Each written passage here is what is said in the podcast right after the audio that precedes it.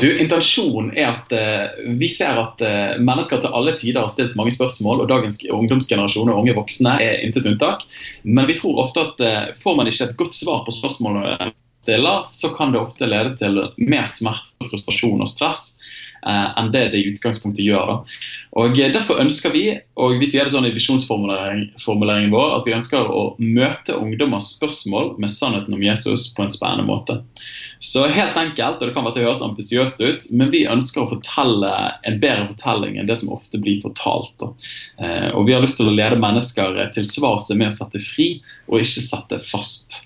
Eh, og Det er hjertesukket vårt. Så det å lytte inn samtidens spørsmål, særlig blant 18 pluss-generasjonen, eh, opp mot 30-årene. Eh, og også kunne få lov til å presentere noen svar som vi tror er frigjørende. Du sa at dere ønsker å presentere ting på en sånn måte at det, det, setter fri, og ikke setter fast. Hva er det dere har i tanken eller har på hjertet som gjør at dere har valgt akkurat den formuleringen? Altså, det er jo kanskje en litt sånn uh, ukorrekt eller upolitisk korrekt eh, formulering å gjøre å si at noe er bedre enn noe annet i et samfunn som er forholdsvis relativistisk når det kommer til sannhet, og at uh, sannhet er subjektivt osv. Uh, samtidig så er jo den kristne bekjennelsen og vitnesbyrdet at vi tror at uh, det finnes én sannhet bestemt for omtall, uh, som er personen Jesus Kristus. og at, at, vi er frimodige på det. da. at, at fortellingen om Jesus er ikke som alle andre fortellinger. Eh, men at vi tror at eh, den bærer med seg liv og kraft da, som man ikke finner alle andre steder. Eh, og ikke at man skal være respektløs overfor andre meninger osv., men vi tror at det finnes noen dypere svar, og ja, faktisk noen svar med evighetsbetydning. Mer enn det som gjerne er rundt oss i mye av det populærkulturen framstiller. Hva slags type spørsmål vil være relevant for for 18 pluss-generasjonen. Da snakker vi jo om millennials her, og eh, egentlig yngre enn det òg. Nei, altså her tenker jeg at eh, Det er viktig at vi i Preach gjør en god eh, jobb ved at vi lytter inn samtiden. At vi lytter inn spørsmålstegnene som unge mennesker stiller. Og det er jo ikke sånn at Man kan gå inn på en nettside og finne alle spørsmål som unge stiller i dag. Men du må ha antenne ute, du må lytte inn i de ulike mediene, ulike foraene. Og samfunnsstrømmen generelt. og Hva er det som opptar folk? og jeg tenker, Når du titter litt utover nyhetsbildet, så er det ingen tvil om at klimasaken er jo et stort eh, spørsmål for unge mennesker i dag. Og ikke minst også en bekymring for hvordan kan vi møte morgendagen og ta vare på verden for kommende generasjoner. Eh, så dette er å lytte inn på ulike kanaler, eh, finne spørsmålet, og så prøve å imøtekomme de med en litt annen vinkling og fortelling enn det som majoriteten av stemmen i samfunnet formidler. da. Eh, så dette her er ikke noe fasitsvar eh, på hvilke spørsmål. Her blir det veldig viktig at vi gjør leksene og lytter inn det som skjer i samtiden. Og så er vel litt av poenget eh, når en er på Instagram og på Facebook og nettsider og rundt forbi. Dette blir ganske interaktivt, blir ikke det? Helt korrekt. Altså, Vi ønsker jo ikke bare å ha en monolog eller en klassisk prekestoltilnærming der vi formidler noe, og så er folk eh, akkurat som tomme kar som bare tar imot.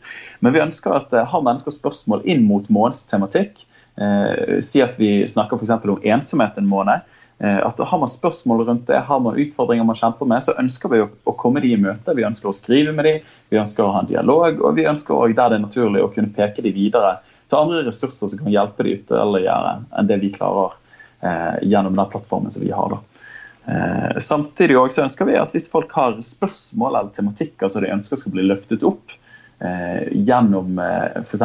en månedstematikk, så er vi veldig åpne for det òg. Daniel Sebjørnsen er altså prosjektleder og frontfigur for Preach.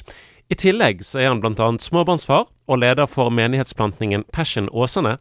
En viktig fellesnevner for det meste av det han har drevet med, er formidling av kristen tro. Hvor kommer iveren og engasjementet til det ifra? Du, helt enkelt så handler det om en personlig, personlig anliggende i dette. her. I den forstand at uh, Som ung gutt så hadde jeg et veldig sterkt møte med Jesus.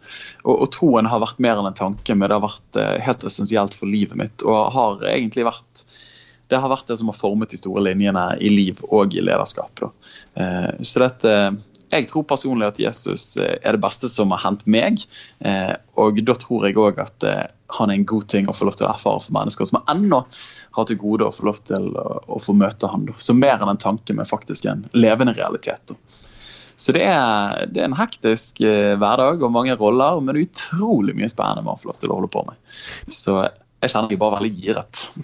Men Det er jo ganske mange i, i Norge i dag som eh, ikke har den samme opplevelsen, eller skal vi si oppfatningen som deg, da, om eh, hvor, hvor, bra eh, troen på Jesus er. Eh, hvordan møter du det? Altså Blir du frustrert, eller eh, ekstra ivrig, eller veldig, veldig godt spørsmål. Jeg tror Det er jo på en måte utfordringen til hele den eh, kristne kirken i Norge.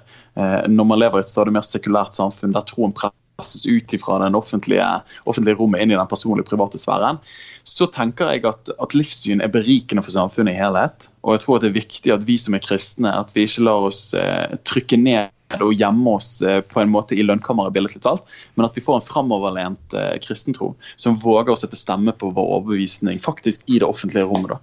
Eh, for jeg tror at den kristne troen ikke bare gir en håp for menneskers sjel og gir livskvaliteter som glede og fred og kjærlighet og fellesskap, men jeg tror òg at krist, det kristne verdenssynet og de verdiene ikke står tilbake for den sekulære ideologien og samfunnsforståelsen, men tvert imot så tror jeg at kristen tro har noen av de beste svarene for samfunnet i helhet òg. Eh, noe som jeg vil påpeke, og egentlig hevde òg at eh, den vestlige historien eh, bygger opp under òg. At kristen tro har vært helt essensielt eh, i å spille en rolle der vi er som samfunn i Vesten i dag. Eh, så for å svare kort, jeg kjenner egentlig at jeg er litt sånn giret over at vi er en misjonssituasjon og ikke en monopolsituasjon som kristen kirke i landet vårt. da.